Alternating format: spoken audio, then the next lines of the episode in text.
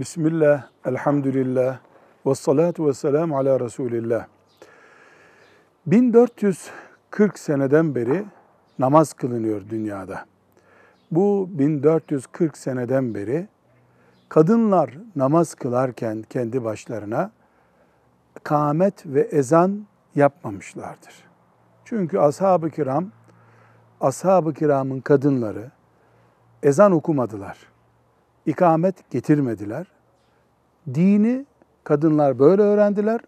Kıyamete kadar da böyle devam edecek. Özet olarak diyebiliriz ki kadın namaz kılmak için ezan okumaz. Mahallesinde okunan ezan da yetinir. Kendi namaz kılarken evde ikamet getirmesi de gerekmez. Getirirse bunun namaza bir zararı yoktur o kadar. Velhamdülillahi Rabbil Alemin.